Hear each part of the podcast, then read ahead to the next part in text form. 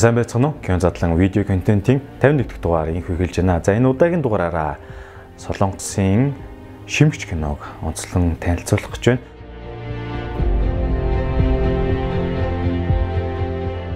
За ер нь сүүлийн 25 жилийн туршид бол одоо Солонгосын кино урлаг бол маш өсрөнгүүгээр хөгжиж гарч ирсэн. Аа за тэр дундаа ялангуяа дэлхийд дахина бол Солонгосын хамгийн их борлуулсан бараа бүтээгдэхүүн юу вэ гэвэл одоо энэ Солонгос драм кино бол өндрөөр орноо.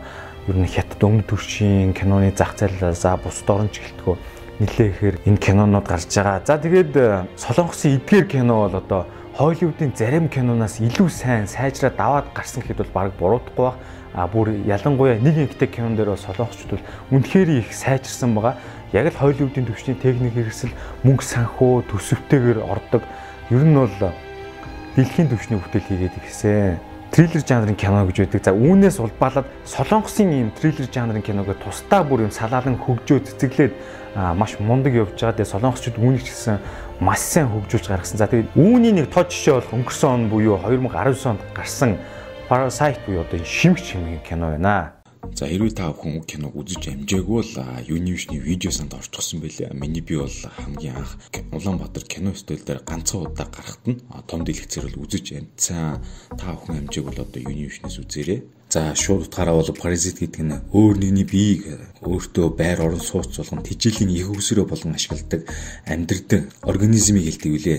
Одоо жишээ нь яг л тууцан хорхоо, цагаан хорхоо гэх мэт. Харин энэ хорхооны уг үйлдэлийг одоо нийгмийн давхаргаж шилжүүлэн харуул уг киноны нэр тун зогсон гэлтэй. Ингээд 2019 оны хамгийн дуйлан тарсан киноны нэг болох Parasite кино нь ерөөдөө нэм black comedy, drama, thriller төрлийн киног одоо найруулагч Бон Жун Хүний бүтээлээ. Уг кино нь 2019 оны 5 сарын 21-нд болсон одоо Канийн кино наадмын дээж шагналыг үрдсэн. Уг шагнал болох d'Or-ыг хүртсэн Өмнөд Солонгосын хамгийн анхны кино болсон. Ер нь бол түүхийг ярих юм бол 2013 онд гарсан Blue is the Warmest Color киноноос хойш шүүгчид санал нэгтэйгээр дээж шагналыг үрдсэн анхны кино болсон байна. Уг Канийн кино наадманд нээлттэй хийхтэн одоо кино шүүмжлэгчид 8 минутын турш босож алга ташиж хүндэтгэл үзүүлсэн. За харин Quentin Tarantino найруулагч тухайн үедээ шагнал авч байхад дээдл нь 6 минут алга ташижсэн юм баримт байд юм байна. За мөн шимгч кино маань Өмнөд Солонгос улсын 92 дахь удаагийн Academy Awards наадмын The Best International Feature Film шагналыг хүртсэн. За өмнө нь бол Гүнжөөхөө найруулагчийн 2009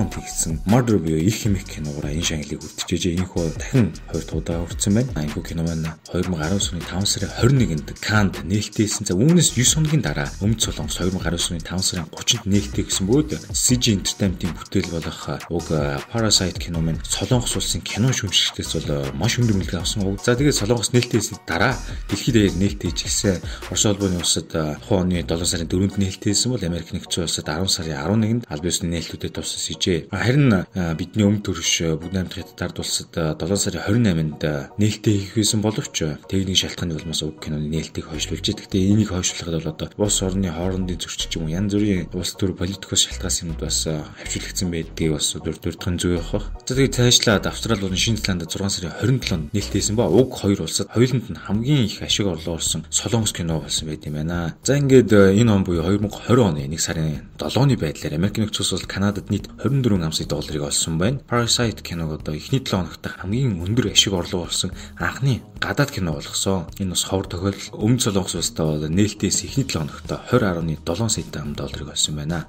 За уг кино маань одоо дэлхийд дахнаас нийтдээ 130 сая гаруй ам долларыг э, олоод байна. Тэгэхээр үндсэн бүтцэн өртгөө бол э, мэдээж хэрэг 10 дахин нугалсан байгаа. За тэгээд 2019 онд гарсан кинонуудаас бол кино шүүмжлэгтээс бол маш өндөр үнэлгээ авсан. Олон хүмүүс бол э, сайшааж магтсан бичвэрүүд бол интернетээр дүүрэн байсан. За тэгээд киног найруулсан Бонжунхүү найруулагчийн хийсэн кинон дундаас хамгийн өндөр ашиг орлоготой киноноос тодорсон төдийгүй Өмнөд Солонгостой ашиг орлогоор тэргүүлсэн киноны жигсаалтанд 19 дүгüрт эренблэгдэм байна. За ингээд киноны үйл явдлын талаар товширвал Ким Китек болон одоо түүний ихнэр хүү охин хамтдаа ядуусын оролцоо нэгэн байрны доод ахарт амьддаг өгөөд хүүгийнх нь найз минь хөөг тэднийг нэг хачиргалтай чулууг авчирж азаргал авчирдаг хэмээн бэлгэлснээр одоо киноны үйл явдал хэлдэг. За мөн тэр айлд зочлон ирсэн хүүгийнх нь найз нь нэгэн баян айлын охинд англи хэл заах ажил олж өгдөг. За тэгээд хүн сэргэлэнтэн аав ижлэн охин дөгөө залчин аргаараа тэр айлын ажилчид болгосноор киноны үйл явдал маш сонирхолтойгоор цааш өрнөдгөө. Аа баян айлын гэрийнхэн бол одоо нэгэн удаа амралт цугаалгаар явдаг. Энэ бол хүүгийн төрсөн өдрөөр гадар гарч хонхоор тэмдэгдэх гэсэн. За тэгсэн чинь тэдний доод зөөрний давхарт хуучин гэрэн мөчлөгчийг нь нөхөр нь хинч мэдээлэлгүйгээр нууцаар 4 жил амьдэрсэн байсныг тэд мэдснээр киноны үйл явдал бүр сонирхолтой өргөндөө.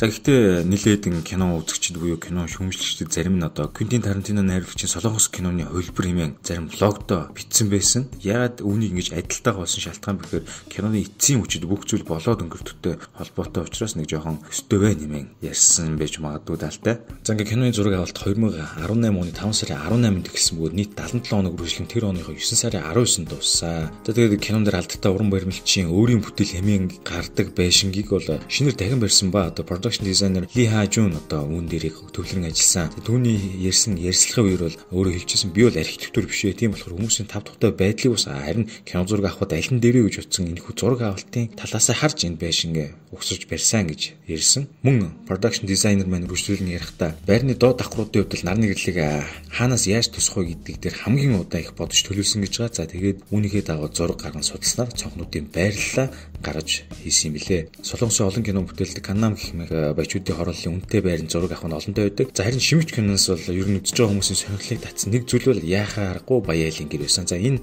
хаана өдөө хиний амьдардаг гэр юм болоо гэх яриа бол нэлээд гарсан. А гэхдээ үүнийг бол зураг авалтандаа зориулн төр зур өгсөрсөн барилга юм байна. Тэгэд энэ барилгыг барьж байгуулахад бүхэл бүтэн 2 тэрбум воныг зарцуулсан байна. За энэ бол Монголоор 4 тэрбум төгрөг гэсэн үнэнгүүшүүд зөвхөн кинон зарцуулсан байшин бэрцсэн байх шүү дээ. Байшингийн зургууд болон концепт артуудыг та бүхэн дүрснээс харж байна. За мөн дээд давхрыг цэнхэр поноор тавьж халахсан хэсгийг та бүхэн анзаарж байх. За энэ бол компьютер график буюу CGI-аар орлуулан хийж дээдлийн давхрыг бий болгосон гэсэн үг юм байна. За мөн дүрснээс та бүхэн баяа айлын гэр эзэн буюу факт захирал машинд явж байгаа хэсгийг харж байна. За үүнийг бол студ дотор ардталт нь фон тавьж байгаа цоолоод авцсан. За тэгээд цаатлан годомчны хэсгийг бол компьютер графаар залгасан. За ингээд олонний дунд нэр хүнтэй олон чаглал хүртсэн кино учраас солонгос үзэгчдийн дунд ийм зардлаар барьсан байшинг болоод аялал жуулчлалын үзүүрийн зориулалтаар ашиглаад хадгалаад хүмүүст үзүүлэх нь хэрэгтэй гэж нэлээд хүмүүс ярилцаж байсан. Одоо жишээ нь бол подвол амьдарч байгаа тэр эрэгтэй тэрхүү амьдарч байсан нөхрөө нь шатаар хүмүүс явж үзэж гэх юм уу. Иймэрхүү байдлаар аялал жуулчлалын бүтээгдэхүүн болох сонирхолтой байдлаар ашиглаач гэсэн санаанд бол нэлээх гарч ирсэн. Энэ бол солонгосын өмнө солонгосын сайтууд болон комментуудаар нэлээх илэрж ирсэн юм байна. За тэгээд э, гадаах гудамж талбайн зураг авалт байшин хоёр бол тусдаа өөр газар баяа илийн эцлэн газар хашаандаа байгаа тэр хэсэг бол одоо өөр газар аваад гэр дотор авч байгаа хэсэг бас өөр газар авсан гэсэн. Тэгэхээр үүнийг бол одоо киноны эвлүүлэг хариуцсан багийнхан маш сайн ажилласан гэсэн үг ээ. Хүн жинхэнэ найруулагч өөрөө тусгаалan баяр хүргэсэн компьютер график буюу CGI-ийн багийнхандаа баярлалаа гэж дахин хэлжсэн удаатай юм байна. За солонгосчууд бол үндэсний урлагаа Аз маягийн сэтгэлгээг шингээ. За тэгээд Холливуд маягийн хийцийг оруулаад нэлээсэн хөгжүүлсэн. За үүгээрч бол бусд Азийн орны кинонуудаас ялгарч байгаа хятадын кинонд бол одоо шиг хят л бужиг гэдэг тэгсэн а Японы кинод бол бас нэг тийм нэг арай өөр өнцгтэй байдаг. Гэхдээ нэг дэлхийд дахинд гарч ирч чаддгүй байдаг. Харин солонгосын кино үйлдвэрлэл бол бүхэлдэн Азтэй тэр чигээр нь бацчихсан. Үүгээрээ дамжуулаад өөрсдийнхөө эдийн засаг болон өөрийнхөө улс орныхоо эдийн засагт маш их хөв нэмрийг оруулж байгаа. Энэ бол кино урлагийг бас төр засаг нь бол өндөр хэмжээнд дэмждэгтэй бас холбоотой. Кино урлагаа экспортлохын зэрэгцээ өнөө цагийн түгэнд бичдэг маш сайн томоохон найруулагч нарыг бол эх орноосоо төрүүлсэн. За үүний нэг бол яалч байхгүй. Parasite буюу шимж киног найруулсан Бонжун хүн найруулагч байгаа. За тэгээд бүгдээрээ үргэлжлүүлээд уг найруулагчийнхаа тухай дэлгэрэнгүй мэдээлэлтэй танилцъя.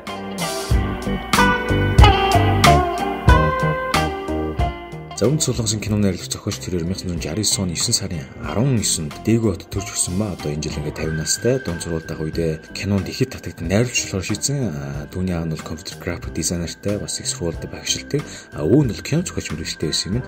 Иймээс кинотой багасаа л их ойр өссөн. За найруулагч маань том ах минь бол уран зохиолын багш өгөөд их чин загварын чиглэлээр ажилладаг урлагийн сургуульд өссөн ийм хүн байна. Хэдий найруулагч бол хүсэлтэй ч Йонсо их сургуулийн социологч мэрэгчлэлд төгссөн ба сүүлд 1990 оны ихээр Солонгосын кино урлагийн яг тийм 2 жилийн хөтөлбөрийг сурч төгсчээ. За тэгээд 1997 1999 онд Motel Cactus, Phantom the Submarine зэрэг кинонд зохиолчин үүрэг гүйцэтгсэн. За тэгээд түүний хамгийн анх найруулсан кино бол 2000-д нээлттэй хийсэн Barking Dogs Never Bite гэдэг ийм кино байна. За ингээд үргэлжлүүлэн та бүхэндээ Бун Жунхо найруулагчин хийсэн томоохон бүтээлүүдээс цугцуур дээ. Memories of the Murder буюу 2003 онд хийгдсэн аллагын дурсамжийнхээ энэхүү кино бол нэлээд алдартай. Хожим нь одоо Бун Жунхо найруулагчин кино болгонд одоо гол дүрийг бүтээсэн жүжигчин Сун Кано бол одоо гүйцэтгэл сайтай энэ кинонд тогоосон. Тэгээ зурлаачин гүйцэтгэл болон хот гарч буй жигтэй цуврал аллагыг тойрсон киноны төгшүүр тааварлагчгүй тийм нууцлаг өөр амьсгал гэдэг олон шинжээрээ энэ бол яггүй сайн бүтээл болсон гэж хүмүүс ярьдаг. Солонгосон кино театруудаарч гэсэн уг кино маань нэлээд эрэлттэй ээж ашиг орлого сайн болсон. За тэгээд уг киноны продюсинг хариуцж исэн компаниг санхүүгийн дампуурлаас аварсан гэж байна. Энэ хөө Memories of the Murder гэдэг кино бол за энэ киноны түүх нь бол бодитоор болсон энэ өн солонгост гарсан хэрэг байт юм байна. Үүнийг бол энэ талаар бол Icon цэгийн маань мэдээний сайт дээр бол хэд удаа гарч ирсэн маш олон жил баригдаагүй цуврал алуучны тухай түүхээр кино болсон гэдэг. За ингээд үргэлжлүүлээд 2006 онд хийгдсэн дэ Host хэмээх кино бол бас гоё кино болсон. Яаж юм гэхээр хам мөрнөөс аимшигт араатан гарч ирээд нэг гэр бүлийн охиныг одоо улгайлан явдаг баг идсэн ч үгүй. Тэгтээ охин амьд байдаг. Иймэрхүү фантаз адлын төрлийн кино нь бас итгэмээргүй сайхан өндөр амжилтыг үзүүлж тухайн онд Солонгос улсад хамгийн өндөр орлогосон кинод одорч исэн. За тэгээд Бүнжихүү найруулагч маань тухайд энэ хост кинод бол санхүүгийн хувьд нэлээд дутагдмал байсан. Гэсэдэж киноны мангасыг үнэмшилтэй бүтээгээд тухайн үеийн солонгосын кино урлагч хийсэн компьютер графикийн мэрэгчлэтнүүд зав цаашлаад ур чадвар нь арай тийм ер нь бол үнэмшилтэй харагдах тал дээр жоохон дотмог байсан. Тийм учраас бүгшин хийсэн киноны тусгай эффектийг гүйцэтгэсэн Шинзландын Veta Digital энэ компаниар магасын энэ одоо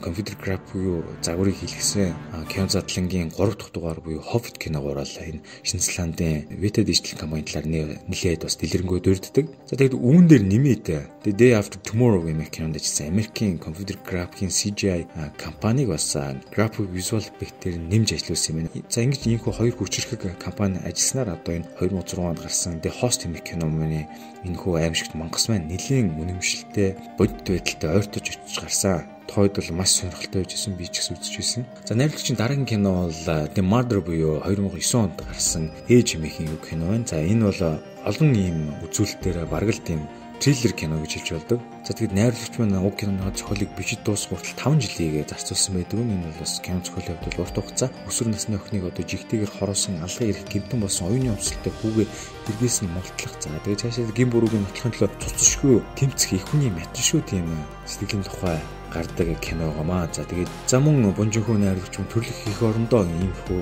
амжилттай бүтээл төрөхөн зэрэгцээ Холливуд бас ажиллаж хоёрч кино найруулсан. Францын Роман толгуурлан хийсэн Цас хансдагч шүү.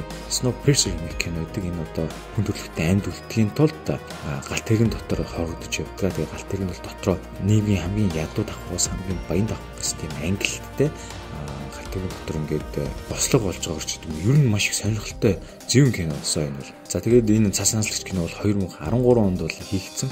За дараагийн Холливуудад хамтарсан гэж яриж байгаа кино бол 2017 онд Netflix стриминг кино компанитай хамтарсан Okja мэх кино маа. Энэ бол одоо бас нэг сонирхолтой тийм нэг сонин амтан гарч ирээд байдаг тийм кино байгаа. За ер нь бол дээд үрцэн эдгээр хоёр кино бол эх орондоо хийж өгсөн кинотой харьцуулбал өргөн бүрэлдэхүүн өндөр зардлаар бүтсэн харьцангуй нөхөр төслүүдээ тэгээд ч одоо энэ прожектууд маань найрлагчд маань бол маш томоохон туршлагыг бас хөрвүүлсэн. Тэгэхээр ер нь бол ямар ч үзэгчийг өөдөө гонсоолохгүй киноны адлууд эргэл эргүүлэхтэй автуулан хорхоосол зугаацуулах шинжийг бол өндөр тунгаар агуулсан иймэрхүү кинонуудыг зохиолын хүч найруулж идэг найрлагч охноо. За тийм учраас тэр өөр солонгос өрөөд нэлийн нэр томоохон топ 3 найрлагчийн 109-оор ордог. За ийхүү найрлагч маань одоо энэ шимх шимх их киноноос өмнө Азийн кино бол нэлийн амжилттай ажиллаж ирсэн. 2007 оны Asian Film Awards-д бол the host кино нь шилдэг кино болж ирсэн. За 2010 онд бол Mother кино нь best screenplay болж шалгарч яасан. Түүний хамгийн сүүлд найруулсан найруулан бүтээсэн одоо энэ хөө шимш кино бол түүний дахин түүний одоо дэлхийн тавцанд гарч ирэхэд ихийг нь төлөөцөх болсон.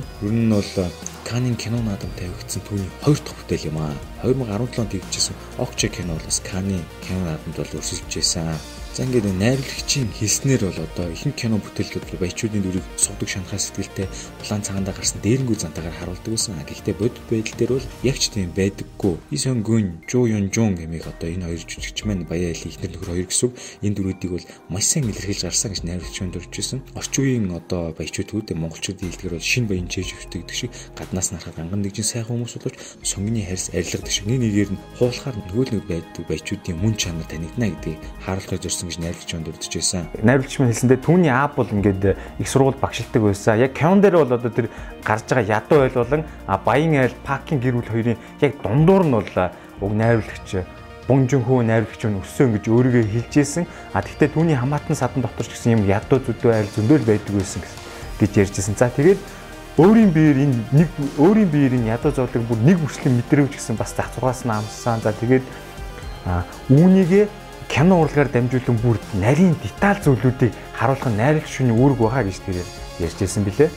Ким Занги киноны хэмдэл гитэг буюу ядуу айлын том хүмүүс баян айлд орох яг тэр үеийн мэдрэмжийг бол найруулагч Бонжи хүмүүс яг өөрөө мэдэрч байсан гэж хэлжүүлээ. За тэгээд бага залуу байхдаа баян айлын хүүхдэд давтлага гэдэг байсан хоёр давхар хувийн орон зүйчд үнэхээр баян айл байсан. За тэгээд хоёр давхартаа саунтай өөрт нь шав орж ирсэн айлын нүдэнд өөрт нь гэрээ танилцаж үзүүлсэн юм байл. Тэгээд тэр үед нь бол 1990 оны ихэнх үе гэхээр одоо юу ч мэдэхгүй тухайн үед бол гүнжинхүү найруулагч нь том шоконд орж исэн гэж хэлээ. Тэр үед төрсэн өөрийнхөө тэр мэдрэмжийг яг энэ кинонда гаргасан та хүн дүрснээс харж байна. За харин энэ шимэгч киноныг баян айлыг хэрхэн яаж харуулахыг зорьсон бэ гэхээр уг гэрүүлийн хувьд бол маш их мөнгөтэй тэгээд ухаалаг боловсрсон гэдгийг харуулахыг их хүсэж байсан гэрүүл кино баг бол хит чамин бас хит ганган биш гэдгийг ч мөн илэрхийлэх маягаар харуулсан. Тэгээд алдартай уран барилгачийн барьсан байшин дамжирдаг төдийгүй урлагийг мэддэг урлагт хайртай гэдгээ бас хариулахыг зорьсон. Киноноос та бүхэн гэр доторх эдэл хэрэгслээс үнийг мэднэ. За тухайн айл маань бол зүгээр нэг баян айл байхыг хүсдэггүй бүр жинхэнэ хөл баян хүн ямар байх ёстой гэдгийг харуулах маягаар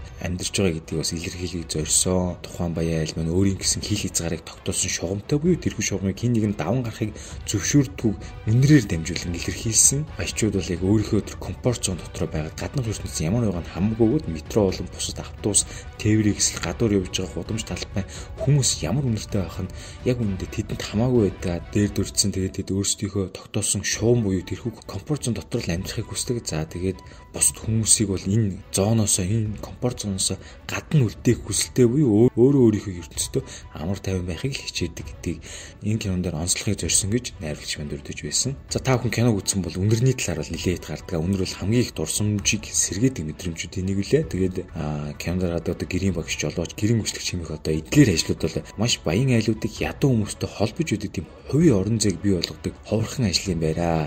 Тэгээд эдгээр ажлыг хийж байгаа хүмүүстэй хамт байснаар тэд бие биенээ үнэрлэн өөр гэдгийг мэдэх боломжийг бий болгодог. Үнрээр дамжуулан харуулсан тэр ялгаа бол дээдүүд давхаргын хооронд нь харьцуулсан тийм төгс хэрэгслээ гэж бодсон учраас кинон дээр илүү төлхөө оруулсан. Тэгэхээр үнрээр дамжуулан нэг нь баян, нэг нь ядуу гэдгийг харуулахыг зорьсон. Үүнийг гаргаж ирсэн юм холбох хэрэгсэл урьжээ. За хэрвээ та бүхэн санаж байвал 2006 онд гарсан Бүнжинхүү найруулагчийн дэ хост хэмээх кинонд бол үндэсний хэмжээний бай тарваны тамирчны талаар гардаг нөгөө нэг мангаст баригддаг охины чинь их чинь бол одоо тамирчин бидэг. За тэгээд харин энэ удаагийн одоо энэ шимэгч үе энэ кинон дэр бол тэр айлын ядуу айлын гэргийн ээж нь урд нь буудлагын спортын авраг байсан талаар харагддаг. Энийг бол нэг анзаарахгүй зураг хэлбэрээр хан дээр гараад өнгөрдөг. За тэгээд энэ төрлийн спортыг одоо тамирчны талаар яагаад кинонд оруулсан бэ гэхээр одоо энэ бол найруулагчийн санаа юм байна. 2006 онд гарсан Host киноны хувьд дөрөв төр хараач эмхтэй мэн бай таравнаас хүрэл медаль авснаар гардаг. За харин яг одоо энэ гарч байгаа шимж кинон дээр бол гол дүрийн айлын эзэгтэй эмхтэй мэн мөнгөн медаль авсан байдлаар гардаг. Хан дээр хадаастай байгаа зөвнөрөөс та бүхэн харна. Энэ хөт зураглаар дамжуулан юг үзүүлэхийг зорьсон бэ гэхээр хэрвээ эхнэр нөхөр хоёр хоорондоо зодтолтол эхнэр нь ганц л цогтолтоор нөхрийгөө зохиж чадах харуулахыг зорьсон гэж байгаа. Цаад утга нь өөрөөр хэлбэл нөхөр нь энэ гэрийн эзэн чилээ гэсэн нийгэмд эзлэх байр суурийн хувьд эдийн засгийн хувьд ямар ч чадрууг харуулсан гэж найруулагч тайлбарлаж байсан. Бие махбод болон зан чанарын хувьд сул дээр нэгэн чадваргүй хүмүүс байгаамаа гэдгийг энэ киноны нэрээр нэрлсэн энэ шимх чимээх тухайн айлыг харуулахыг зорьсон байна. За өвчлөө та бүхэндээ баян айлын эхнэрийн тухайд өвдө тэрээр бол тун итгэхий гин зан төрхтэй харагдаг. Гэхдээ тэр эмэгтэй эзээч хин нэг нь тэнийг юм уу эсвэл ухаан муутай зан төрхтэй гэж харагдаасаа гэж боддгоогөө тун ухаалаг болж харагдахыг хичээдэг. За магадгүй сургуультай хичээл номоо сайн яадаг сурагч байсан ч гэсэн зүгээр л нэг хүмүүс маш амархан итгэдэг залуудаа баян эртийг ирэлсэн амьдралын хэцүү эрхийг огт тулж үзээгүй тим эмэгтэйг харуулдаг. За тэгээ энэ санаагаараа бол та хин нэгэнд эргэцэж байгаа бол ямар нэгэн муу зүйл болж магадгүй талаар боддог байх ёстой гэдгийг харуулахыг зорьсон гэж байсан. Яг кинон дээр бол тухайн баян айлын эзэгтэй мэн эргэлзэж байсан хэдий ч гэсэн ямар нэг зүйл муугаар эргэх талаар огтхонч бодож үзээгүй гэдгийг бас давхар сануулж ирсэн. За тэгээд ядуу айлын талын тэрхүү хагас хонголд байгаа байшинг бол бүгдийн шинээр барьсан тухайн хороол, гудамж, зам талбай, гарц, хөршүүдийн байшин гэсэн шинээр хийсэн бил энд бол баг гурван зарцуулсан. Мөн хажууд нь байрлах маш том усан сан байсан. За үүнийгээ бодолцож тэдгэр байшингуудаа яг байрлуулж барьсан билээ. Бас зарим хэсэгтэр цэнхэр пон тавиад CGI удамжийг урт тулгаан залгасан. Кино продакшн бол байшингаа барьчаад хүмүүсийг авчирч суурьшуулсан. За тэгээ үүн дээрээ нэмж болохоор зүйлсийг нэмж тухайн эд хэрэгслүүдийг бол байж болох хэмжээнд нь хуучруулж баг зэрэг сүт гэсэн гэхэд болно. Ингэжээж кинонда ботын харагдж байгаа зүгээр нэг ид юмсыг өөрч тавьчаагүй бодитор хүмүүсийг хэсэг амьдруулад амьдарч исэн аж ахуй байдлаар нь хэрэгэлсэн эд зүйлсүүдийг яг тэр чигээр нь үлдээсэн гэсэн үг. Ингэснээр бол одоо энэ ядуу ялыг маш үнэмшилтэй байдлаар харуулсан. Тэгээ киноны үеэр хамгийн хүн хүч судалгаа шаардсан үзэгдэл бол одоо тухайн ядуусын хороол маань үер давтах үеэр нойлын бокрос ориглон гарч байгаа хэсэг гардаг. Үүнийх нь дээр охин суугаа суултаараа хаагаад дээр нь дараад тамхи татж байгаа үзэл гардаг. Тэгээ энэ зүрийг авахын тулд кино багийнхан нэлээд их судалгаа хийсэн. Нойлон суултуураас бохрын ус ориглон гарахын тулд хэр хэмжээний даралтай ус урж байх тэгж урсан гарахыг тооцоолтнууд маш олон удаа судалгаа хийж дахин дахин тооцоолж зураг авалтыг хийсэн юм байна. За ингээд уг кинон дээр ядуу айлын охины дүрийг бүтээдэг. Энэ жил 28 настай жүжигчин Пак Содом а яг энэ дүрийг гаргасан байгаа. За тэрээр ингээ баян айл руу орохын өмнө хаалганых нь нэгэн дуу аялдгаа та бүхэн санаж байгаа. За энэ дуу нь ямар хүчтэй байдуу гэхээр а яг үндсэн оригинал дуу нь болохоор Солонгос Япон хоёрын хооронд нэг юм Доко гэд маргаантай харл байт юм л да. Японы талаас бол нэг Такешима ч тийм нэртэйсэн баха. А тэгээд солонгосчууд энэ арлаа манайх гэж үзээд өмөрөөд Доко Доко арл бол биднийх гэсэн тийм дуу гаргасан байна. Тэгэд энэ дууны аяыг ашиглаад яг киноныхаа үгийг оруулаад энэ жүжигчин Пак Содо маань ингээд аялсан байдгаа. Тэгээд энэ дуу бол ер нь твит дээр маш их алдартай бас хүмүүс хооронд аягүй жиргэж үгийг өөрчилж ч юм уу YouTube-ийн мем хэлбэрээр гаргаад янз янзын байдлаар ярилцж байсан. За тэгээд жүжигчин маань өөрөө хүртэл энийг ингээд тайлбарсан ч юм уу тийм заах маркаар бас нэг YouTube хуудсан дээр бичлэг энэ оруулсан байт юм бэлээ. Тэгээд энэ бас алдталтай болж байгаа дуу юм бэлээ. Нэг богинохын ирнэ. Гур гар утасны рингтон хүртэл гарцсан байсан. За бүгдээрээ энэ дууг иргэнийг сонсцгоё. Jessica, Victor, Elino, Chicago. Гошмын хэмжээнд гэрэлсэн. За ингээд найрлагч Монжгүй маань Канийн кинонуудад орцохоор явах үедээ шагнал аавна гэж дотор бол огтонч төсөөлөгөө талаар ярьж байсан. Хүлээлт багтайсэн гэж энэ бол сайн чанар. Чин одоо Parasite кино бол үнэхээр лаг зүүн кино гэдэг хүн болгон сошиал медиа дээр яриад бичээд байхаар үнэхээр л тасархай кино юм шиг бодоод хүлээлт өндөртэй үүсэх юм бол одоо чи таны хүлээлтийг гүйж чадахгүй ч юм уу гэм сэтгэлээ унах тохиолдлуудыг тийм учраас яг бүнжинхүү найрлагчийн адилаар шагнал хүртэн гэж төсөөлөг юм гэдэг тийм хүлээлт багтай илүү юм төсөөлж хүлээж авал сэтгэлээр унах магадлал багтаа байдаг шүү. Үнийг та бүхэн бас анзаарч байгаарай. Найруулагч минь хэлчихсэн би бол маш олон жанрын кино те. Киноны жанр бүхэн өөрийн сэтгэл хөдлөхөөх өвөрмөц зүйлтэй байдгаа энэ ч гэсэн үзэгч таалагддаг гэж боддог гэж хэлж байсан. Ер нь бол за довчоор хэлбэл энэ киногаар одоо та бүхэнтэй манай гариг дээр байгаа эмгэнэлт байдлыг хамгийн жижигхэн дурангийн тусламжтайгаар хамгийн тод томруулнаар кинонд хэлснээс харж байна гэсэн үг. За кинонд тоглосон жүжигчдийн зарим сэтгэлдлийг бас сэрүүлээ. За тэд бол хэлэхдээ бол ингэж байсан. Найруулагч бол бидний үйл хөдлөл зохион байгуулалтыг нэг дингүү маш сайн төлөвлөсөн байсан. Нэг зүйл орхигдуулаагүй. Маш жижигхэн хачин үнэртэй ядуу байлын жорлонгийн өрөө цонх гээд за тэгээ тэнд байдаг эвгүй сонин үнэр чихтэй мөөгөн зүр хүртэл бүгдийг нь бодит дээр гаргаж өгсөн гэж тэд ярьжсэн. Харин Баян айлын гэр бол маш цэмцэр өмнө сонголт тавилгын хийц материал гээд бүгд тийм алтан шаргал өнгөтэй гялтсан байдлаар оруулсан лээ. За киноны зураглаач бол ийхүү ярьжсэн. Пост кинотой харьцуулахад бол зураг авалтыг маш ойроос хийсэн. Одоо нэг л мэрэгжлийн хэлэн глосс ап гэж хэлдэг те. Жүжигчдийн нүүр царай нүүрний хөрөл кинонд маш чухал үүрэгтэйсэн. Тийм учраас илүү ойроос татж гаргасан гэсэн. Мөн ядуу байлын Хотголын өрөөний гаднаас гэрэл тусахтай өгөөтэй тэр гудамжны гэрлийн өдөг ногоон туяатай хэсэг баян айлын тэр алтан шаргал өнгөөр гялтганж байгаа эд юмс тавилга зэргийг контрастыг ялгаж харуулахын тулд продакшн бол маш хичээж ажилласан билээ. За ингээд та бүхэн зураглаачийн ажлыг дүрсээс харж байна. Энэ дээр баян ядуу гэдгээр нь дүрсүүдийг тийм нэг жижигхэн нүдэн дүүл анзаардаг заагаар ялгаж харуулсан ба кинонд бол бид түүнийг анзаарахгүй шүү дээ. Тэгэхээр энэ зааг нь бол ядуу хүний хэсэг энэ юм аа баян хүний хэсэг энэ юм аа гэдгийг өөрийн хэлэхгүй тухайн үзэж байгаа сэтгэл төрүүлэхийн тулд иймэрхүү хоёр талтай байдлаар жигнэн харуулж тавьсан плануудыг маш сайн тавьжээ та хүн төрснөөс харж байна. За тэгээд жүжигчд бас ярьжсэн те. Ер нь бол кино баг бүгэлдээ унжинхүү найруулагч цохоосон тэрхүү замаар бас маш нарийн дардан явж байсан. Найруулагч уг киногоо бүтээх үедээ зураг алтын төлөвлөгөөгөө өөрөө бүгдийг нь гараар зурсан байна. Тэгээд үүнийгээ нэгтгэн 2019 оны 6 сард нийлүүлээд continuity ном буюу одоо concept art storyboard-уудаар нийнхүү ном болгон хэвлэн гаргасан байна. Та бүхэн storyboard-ийн хэсгээс харж байна. Үнд солонгосын нэрдэн гарч байгаа энэ хүү бидний өнөөдөр ярьж байгаа Бон Жунхүү найруулагч бол алтан үсэг шагнал авахтаа нэг хэлсэн үг гэдэг байна. Үүнийг бас дахин дурдан хэлье гэж урж байна. А тэрээр одоо англи хэлтэй үзэгч зориулж хэлсэн байх гэж бодож байна. Хэрв та тэр нэгэн инчин хэмжээтэй хадмал орчуулгыг давж харж чадвал маш олон гайхалтай кинонуудтай танилцах болно гэж хэлж байсан. За энэ бол Азийн кинонуудыг хэлж байгаа гэсэн. Хинтээ хүмүүс бол англи хэлтэй баруун кино, барууны кинонуудаа үздэг. Үүнийг бол баг зэрэг өгөөцөө гэсэн үг. За монгол хэл бол одоо үгнүүдээс нийлж үг бүрддэг. За харин солонгос хэлэн дээр бол үгний эхний үе юм уу хойд үгдийн авангуудаа нийлүүлээд нэг тийм шинэ үг бүтээх аюух тийм тохиолдол байд юм байна л да. Одоо хар ярианы хэллэг гэсэн үг тийм бид нар хэлэн ч гэсэн байдаг. Тэрнтэй адилхан солонгочууд л арай өөрөөр үздэг юм байна. За жишээ нь болохоор chicken уу юу шарсан дахиа гэдэг үгний чи гэдэг уртлын үеийн авангуудаа megju гэ p гэсэн үгний а бас нэг meg гэсэн үгийг аваад нийлүүлээд ингээд chimeg гэсэн үг гаргаж байгаа. За энэ нь болохоор шарсан дахиаг уунгаа идэхтэй шарсан дахиад уунгаа идэхтэй хэлдгийн үг байдаг ч юм уу. Үгийн үеийг ашиглаж үг бүтээдэг. За би яагаад үнийг ярьж байна гэхээр яг үүнтэй адилхан а Бунжунхүү найруулагч маань одоо кинон дээр бол маш сайн юмыг детальч харуулдаг. Тийм учраас энэ деталь гэдэг үгний тайл гэдгийг хойтлын үеийн авангуудаа найруулагч уртлын үг болох бун гэсэн үгийг аваад бунтэл гэдэг ийм хоршоог гаргацсан ба. За тэгээд энэ нь болохоор одоо бунжинхөө найруулагчийн бүтээлүүдийг ерөөдөө бунтэл гэж юм хочилдог юм нэр үг ингээд солонгос хүртэл гарцсан байна. Тэгээд найруулагч байгаа ч гэсэн бунтэл гэж хочилт юм байна.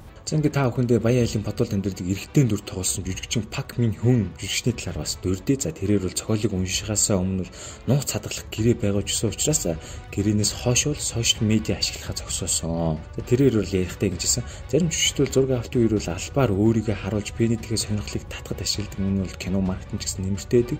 Гэхдээ тэрээр бол нууц цадгалах гэрээ байгуулсан учраас үүнийг гэр бүлийнхэнд ч гэсэн хэлээгүй гэж байгаа. Хэдэн сарын турш одоо жонхуугийн зураг алтын тэр талбайруу кинонд оролцож байна гэж хэлэхээс өөр зүйлгүйгээр гарч явдаг байсан байгаа. Тухайн жүжигч мань өөрөө их яриасыг оролцож байгаа киноны хатлаар ойр дотны гэр бүлийнхэнтэй их ярилцаж ийм дүр бүтээж байгаа хэмээн нэлээх тайлхимдаг үедтэй. Тэгсэн чинь одоо яг энэ хүү шимж кинон дээр нууц хадгалах гэрээ байгуулсан байдаг. За тэгээд үүнийхээ үүргийг биелүүлэхэд бол тун хэцүү байсан талаар тэрээр дүрчээсээ яагаад гэвэл тэрээр яриасаг хүн. Түүний дээр бол нэлээ их нууцлаг бусдаас маш сайн нууцлж байсан. Тийм учраас олонд мэддэхгүй ярианч оролцохгүй яриач өгөхгүй явдаг байсан гэжсэн киноны сурчлагын постэр хүртэл түүнийг орсон бас ороогүй гэсэн хоёр янзаар гардаг байсан байна. Канн кино наадам ч гэсэн тэрээр бол одоо кино бүрэлдэхүүнтэйгээ цуг явсан юм байна. Гэхдээ киноныхаа агуулгыг спойлер дуулахгүйгээ дандаа кабинаас бултаж юмны ард үлдэж явж ирсэн байна. Ер нь бол киноноос хойш гэсэн тийм нуугдж явсан зуршил нь үлдээд нэг хэсэг бас гараагүй гэж хэлсэн. Тэгэхээр Канин кино наадам бол хамгийн ихэнд эрт нээлттэй хийж байгаа. За тэгээд түүнээс нэлийн хожуу солонгослон гадны бус орнууд нээлттэй хийж байгаа учраас энэ хөө жүжигчин Пак Мин Хөгийн дүрийг бол одоо нууцлахаас өөр аргагүйсэн байна. Айлын хонголт 4 жил амьдарсан хүний дүрийг бүтээсэн жүжигчин маань өөрийнхөө зураг авт эхлэхгүй байхад бүхэл бүтэн сарын өмнө ирээд зураг автын газар очиод газар доорх тэрхүү футбол руу орж хөвтдөг байсан гэж байгаа. Тийм харанхуй бодолтоор одоо хүн хоригдвол яах вэ? Гих метр сэтгэл зүг өөрөөдөө суулгаж байсан. Тэгээд жүжигчин маань өөрөө хүсч яг тэнд дүрдээ орж тоглож исэн учраас тийм газар удаан байхаар угаасаа нүдэнд бүрлцээд хэл яриан түг таг гэд удаан болчдөг гэж хэлж байсан. За тэгээд дүрдээ тааруулж жингээ хасч нэлээд турсан. Тэгээд урьдчилж тэгж орчиндөө дассан нь бол тухайн дүрийг гарахад бол маш хэрэг болсон талаар дүрдчихсэн. Подолоос дээш доош гарах хонглооргүйх шатаар мөлхөх шахуу алах зэрэг тэрхүү үйлдэлүүд нь урьдаас төлөвлөсөн юм биш ээ. Зүгээр л тэр газарт хэсэг амьдраа дараа тэгэхээр үйл хөдлөл нь цаанаасаа яг тийм болоод гарч ирдэг талаар дүрдчихсэн. Тэгэхээр хүн гэдэг бол нийгмийн сэтгэлийн амт юма гэдгийг бол энэ хүү жүжигчин маань энэ дүрээр бол бидэнд тод ом руу харуулж байна. Энэ хүү бодвол төрөгдөг 90 дүр бол нэг зүйлийг бидэнд харуулсан. Энэ бол үс сайхан бол зүс сайхан гэдэг үг бол дахин дахин баталсан гэж жүжигчин маань хэлж байсан. Олон жил харанхуй бодоод амьдсан учраас баг халдсан шахуу хэдхэн ширхэг тийм сөрүйсэн үстэй байхаар бол кино зохиол дүрслэгдсэн. За тэгэхээр түүний царай бол хулган шиг тийм сонин царайтай болсон. Үс шингэлдэг хайчаар үсийг нь хаа намаагүй хайчилж авсан юм байна. Мөн түүний шүтэнд бас илүү соёо залгаж наасан байна. За тэгээд дээр нь тэрээр би борлуулдаг одоо body tanning гэж ярьдаг те энэхүү аппаратанд өөрийгөө биеийг борлуулад мөн мөн 10 кг хэмжинг хасч турсан юм байна. Пак Мин Хүн жүжигчин бол одоо өөрөө их том нүдтэй хүн юм байна. Тэгээд дандаа хурцтай бол буюу киноны эсрэг дүрүүдийг ер нь авчт юм байна. Тэгээд шимэгч кинонд ч гэсэн түүнийг тоглосныг хараад түүний гэрийнхэн бол үзээд нилээх гайхсан. Таны хүмүүс нь ч гэсэн түүнийг хараад ерөөсө танаагүй гэж хэлж ирлээ. Тим ихээр дүрийг өөрчилсөн байна. Тэгээд тухайн жүжигч маань киноны ийм чухал дүрийг хариуцаад дараа нь бус хүмүүс найз нөхөд гэрийнх нь бол өндрөөр үнэлж магтаж байсанд нь бол тэр их баярлсан юм байна.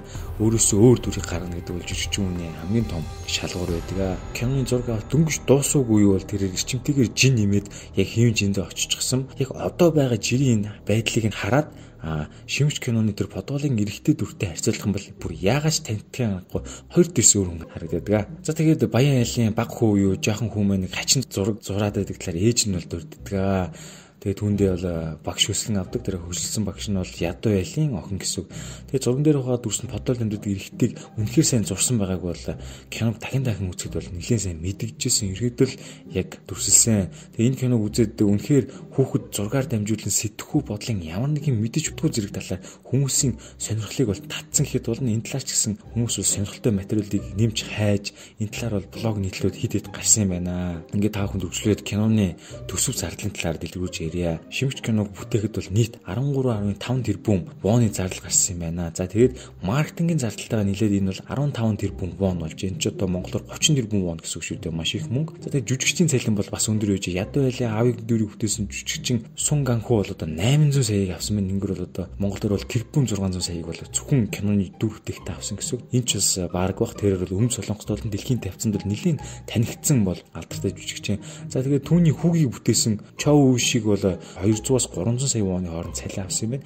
За охин Пак Судамын дүр бол 100 сая вооны цалин авчээ. Баян айлын эрэгтэй дүр тоглосон жүжигчин И Сонгюн бол бас 200-аас 300 сая төгрөгийн цалин авсан байна. Харин энгийн дүр тоглосон Жо Юнжун бол 150-аас 200 сая вооноор тоглосон юм байна. Киноны цалин бол бас өндөрөөр тооцогдож, киноны төгсгөлд явах тэр кредит сцены ард явж байгаа дэвсгэр хөгжмөг бол найруулагч Бонжо Хүмэн л өөрөө үг аяыг нь зохиолж голдор тоглосон. Босыг чөөгөөр дуулсан юм байт юм байна. Энэ сонирхолтой баримт. Найруулагч ч зохиолоо бичиж кино найруулж байгаа. Дээр нь дууныхаа үг аяыг зохиондог бол бас үнэхэрийн төрцөн авьяастай нөхрөө гэхээс өөр аргагүй. За тэгээд э, Parasite э, киног англи хэл дээр телевизэн цуврал болгох саналуудыг бол Бонжинхүү найруулагчд бол хэд хэдэн газраас тавьж байсан. Netflix, HBO хоорондоо бол эрхийг авахар нэлээх өрсөлдсөн. За тэгээд илүү их үнийн дүнгийн саналаар HBO байсан. The Big Short, Vice зэрэг киноны найруулагч Адам Маккей одоо Бонж хүүтэй хамтраад энэ олон ангит бүтээл нь яг ямар байх, зохиол өрнөл хэсэг нь юу байх, киноны тухай нарийн ширийн зүйлсийг бол ярилцаж байгаа ажээ. Энэ шийдэн бол эцэслэн гараагүй.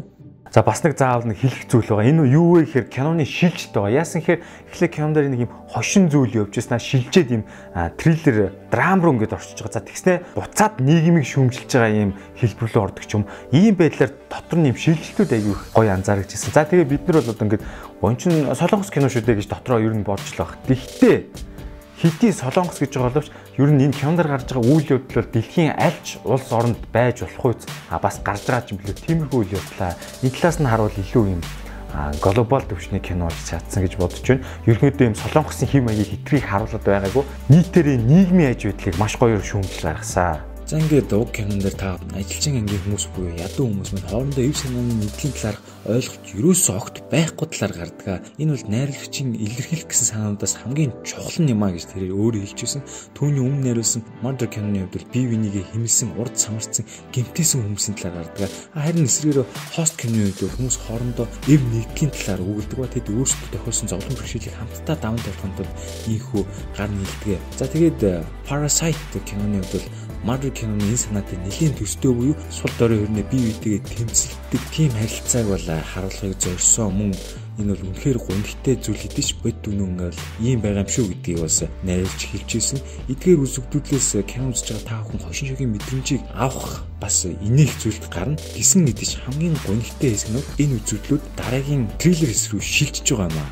2019 оны олонний анхаарлыг үнэхээр татж чадсан энэхүү бүтээлийг бол зөвхөн Univision-ы видеосон аль биесныгоо эргэтэйгээр нэмэгдсэн байгаа. За энэ үеийн түрээд кино задлангийн 50 нэгдэл дугаар өндөрлж байна. Ингээд таалагдсан бол та бүхэн шеэр хийж найзуудаа түгээгээрэй. Мөн ингээд дараагийн дугаар хүртлээ түр баяртай.